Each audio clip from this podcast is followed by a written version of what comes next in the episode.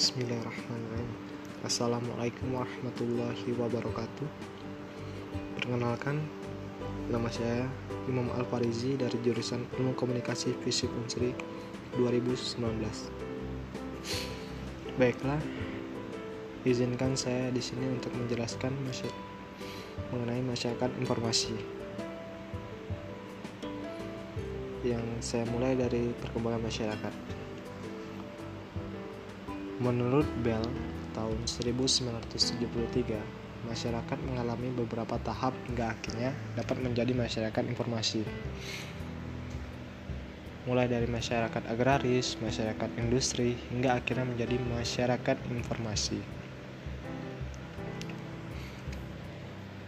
Masyarakat informasi Masyarakat adalah suatu institusi yang bersifat konstektual di mana suatu nilai yang telah disepakati pada suatu komunitas belum tentu relevan jika diterapkan di komunitas lainnya. Castell dan Himanen 2002 menyatakan bahwa munculnya era Formasi tidak harus menciptakan tingkat penggunaan teknologi informasi dan komunikasi yang sama pada setiap masyarakat yang ada di seluruh dunia. Hal ini menunjukkan bahwa setiap inisiatif pengembangan informasi harus relevan dan menyentuh struktur terdalam dalam sebuah masyarakat. Dengan ini akan memaksa sebuah masyarakat mengubah struktur yang mendasar pada masyarakat yang ada pada akhirnya akan menciptakan pihak penerima manfaat dan pihak korban. Namun, ada beberapa hal yang harus diperhatikan sebelum sebuah masyarakat memasuki masyarakat informasi, yaitu masyarakat tidak buta huruf. Masyarakat yang masih buta huruf jangan mimpi dapat masuk ke dalam masyarakat informasi karena membaca merupakan prasyarat mutlak untuk memasuki masyarakat informasi. Yang kedua, pemanfaatan komputer. Saat ini hampir semua pergerakan informasi dilakukan dengan komputer. Komputer bahkan dapat digunakan untuk menerima siaran televisi, transaksi perbankan, transaksi perdagangan, ekspor, dan impor maupun yang lainnya. 3. Infrastruktur telekomunikasi. Infrastruktur yang maju akan memudahkan komunikasi data antar komputer yang berjauhan. 4. Industri percetakan yang maju. Salah satu media untuk menghantarkan informasi adalah koran. Bagi masyarakat informasi, koran adalah salah satu menu wajib sarapan paginya mereka harus mengetahui perkembangan terakhir dari suatu minat dan pekerjaannya. 5. Industri TV dan radio yang maju. Televisi dan radio dibutuhkan untuk mendukung pergerakan informasi yang cepat. 6. Minat baca yang tinggi. Adanya informasi yang melimpah akan sia-sia jika tidak ada manfaatnya, hanya karena masyarakat tidak mau membaca. 7 sistem perpustakaan yang maju. Semua informasi akan tersimpan di perpustakaan. Masyarakat dapat menggunakan perpustakaan untuk berkonsultasi mengenai apa pun. Sejak istilah masyarakat informasi diperkenalkan pada tahun 1962, muncul perdebatan panjang mengenai apa apa dan apa dampak yang ditimbulkan oleh masyarakat informasi.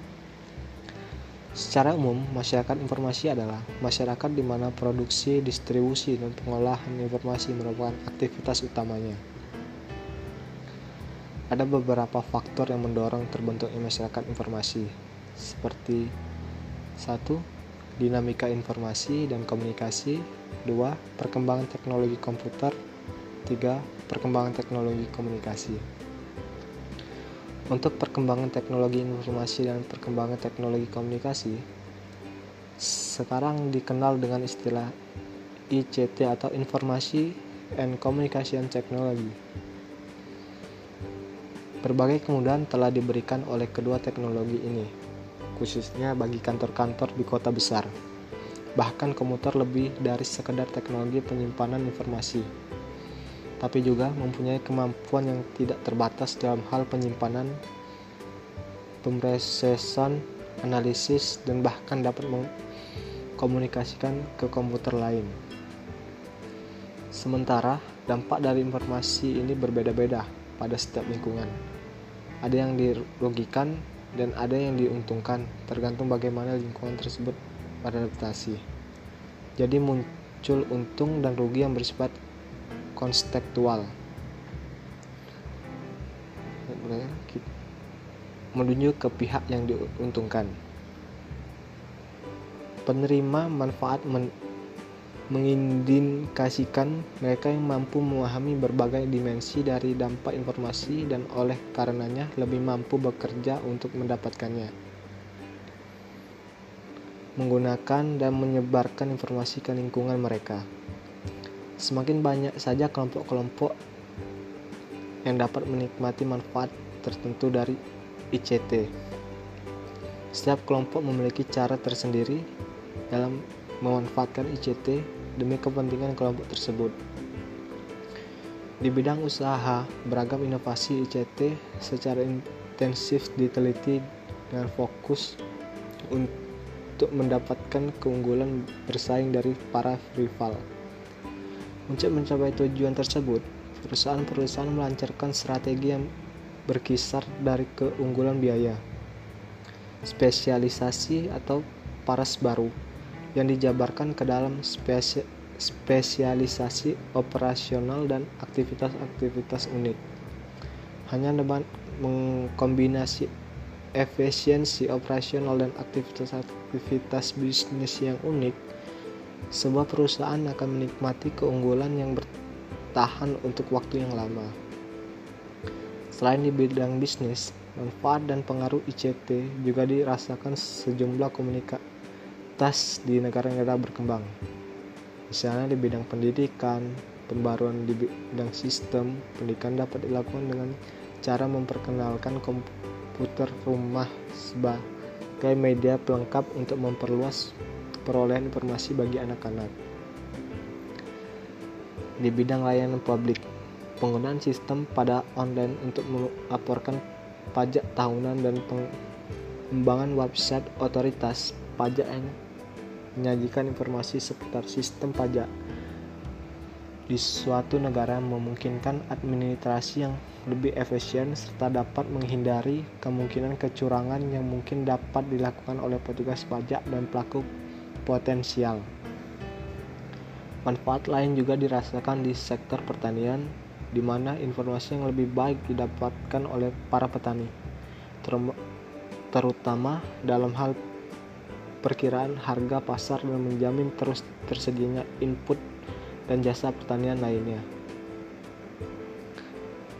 kita masuk ke pihak yang dirugikan pihak yang dirugikan juga muncul dari kelompok masyarakat yang sama sebagai hasil dari ketidakmampuan dalam mempertimbangkan lingkungan sosioekonomi dan politik saat kelompok tersebut mengimplementasikan inisiatif ICT. Hal itu menghalangi anggota masyarakat tertentu untuk menggunakan dan menikmati ICT secara terbuka. Di bidang bisnis, sebagai tekanan ekonomi untuk tetap berada di atas, kompetisi yang ketat menghasilkan monopoli ketika suatu perusahaan menguasai informasi yang lebih banyak dibandingkan dari perusahaan yang lainnya. Hal yang sama juga terjadi di bidang pendidikan, di mana terdapat rasio potensial akan penggunaan website yang tidak berwenang yang dilakukan oleh pelajar bahkan pengajar. Bagi pelajar di negara-negara berkembang, rasa penghormatan bagi karya ilmiah orang lain masih rendah dibandingkan dengan teman-teman di negara maju. Di layanan publik, Fenomena adanya digital divide menunjukkan contoh jelas akan bagaimana masyarakat-masyarakat daerah terpencil masih tertinggal jauh dari masyarakat perkotaan, seperti pada bidang kesehatan, listrik, dan pendidikan. Di bidang pertanian, sebuah website sering kali menyajikan informasi beragam yang terkadang cenderung menyesatkan para petani di mana terdapat banyak informasi yang disajikan tidak relevan bagi pengambilan keputusan si petani. Mungkin informasi ini hanya dapat berguna bagi sedikit petani saja. Perkembangan teknologi informasi dan telekomunikasi akhir-akhir ini telah menghasilkan fenomena yang tak terbayangkan, yaitu makin menipisnya ruang privat. Bahkan muncul ancaman berupa hilangnya ruang privat sehingga anggota masyarakat tidak lagi memiliki privasi. Sebelum terjadinya fenomena kontemporer ini, manusia sebagai anggota masyarakat memiliki ruang privat, tetapi ruang privat itu kini terancam benar-benar lenyap. Ada beberapa contoh dari fenomena ini. Satu, menjamurnya program reality show di berbagai stasiun TV yang menunjukkan batas antara yang privat dan yang publik telah semakin kabur. Penggunaan kamera atau alat rekam tersembunyi adalah salah satu wujudnya, sehingga kita tidak pernah tahu apakah pada suatu saat dan tempat tertentu kita sedang disorot kamera atau tidak. 2 Telepon genggam telah menyebar di mana-mana dan alat itu bisa digunakan untuk merekam video dan suara. Ada berbagai kasus di mana telepon genggam digunakan untuk merekam kegiatan yang sangat privat yang kemudian tanpa bisa dikendalikan telah disebarluaskan. 3. Makin populernya internet dan jejaring seperti Facebook, WhatsApp, Twitter, Instagram, BBM, dan sebagainya Lewat sarana ini, kita selalu terhubung dengan orang lain tanpa memandang waktu dan tempat. Karena saluran internet ini juga bisa diakses lewat laptop dan telepon genggam yang dapat dibawa ke mana pun. Semua contoh yang disebutkan tadi menunjukkan praktik tidak ada lagi yang namanya privasi atau ruang privat. Semua yang bersifat privat telah menjadi publik menjadi konsumsi umum, pemerintah, penguasa, dan sebagainya. Selalu ada pihak lain yang bisa memantau, mengintai, menyadap, memata-matai, dan menelanjangi diri kita tanpa memandang waktu dan tempat. Karena sadar sepenuhnya bahwa dirinya selalu menjadi objek pantauan, itulah manusia sebagai anggota masyarakat pun praktis akhirnya seperti kehilangan kebebasan. Manusia selalu merasa terpenjara, dipantau, diawasi, diintai, dan dimata-matai oleh pihak lain. Baik pengawasan itu benar-benar sedang terjadi atau sekadar dalam imajinasinya saja. Baiklah kita masuk ke studi kasus yang mana di sini saya akan bahas keamanan privasi dalam teknologi informasi dan komunikasi. Privasi adalah informasi yang berkaitan dengan individu seseorang yang dapat diidentifikasikan atau orang yang teridentifikasi termasuk di dalamnya informasi seperti nama, nomor telepon, alamat email, nomor lisensi mobil, karakteristik fisik, nomor kartu kredit, dan hubungan keluarga. Privasi merupakan hak individu untuk mempertahankan informasi pribadi dari pengaksesan oleh orang tidak diberi izin untuk melakukannya. Akses, pengumpulan, analisis, dan penggunaan informasi pribadi yang tidak pantas berdampak pada perilaku pihak lain terhadap pribadi yang bersangkutan dan pada akhirnya berdampak negatif terhadap kehidupan sosial, harta benda, dan keselamatannya. Oleh karena itu, informasi pribadi harus dilindungi dari akses pengumpulan, penyimpanan, analisis, dan penggunaan yang salah. Ada beberapa macam hak privasi di antaranya. Satu, hak untuk bebas dari akses yang tidak diinginkan, misal akses fisik, akses melalui SMS. Dua, hak untuk tidak membolehkan informasi pribadi digunakan dengan cara yang tidak diinginkan, misalnya penjual informasi dan pembocoran informasi. Tiga, hak untuk tidak membolehkan informasi pribadi dikumpulkan oleh pihak lain tanpa sepengetahuan atau seizin seseorang, misalnya melalui penggunaan CCTV. 4. hak untuk memiliki informasi pribadi yang dinyatakan secara akurat dan benar. 5. Hak untuk mendapatkan imbalan atas nilai informasi itu sendiri. Salah satu dampak negatif dari era informasi adalah pelanggaran privasi. Pelanggaran privasi dapat diartikan sebagai pem pembeberan informasi tanpa memperhatikan kode etik yang semestinya. Hal-hal yang berkaitan dengan pelanggaran privasi antara lain satu mengirim dan mendistribusikan dokumen yang bersifat pornografi, menghina, mencemarkan nama baik, dan lain-lain. Dua, melakukan penyadapan informasi, seperti halnya menyadap transmisi data orang lain. Tiga, melakukan penggada, penggadaan tanpa izin pihak yang berwenang, bisa juga disebut dengan hijacking. Empat, Hijacking merupakan kejahatan melakukan pembajakan hasil karya orang lain. Contoh yang sering terjadi yaitu pembajakan perangkat lunak software piracy.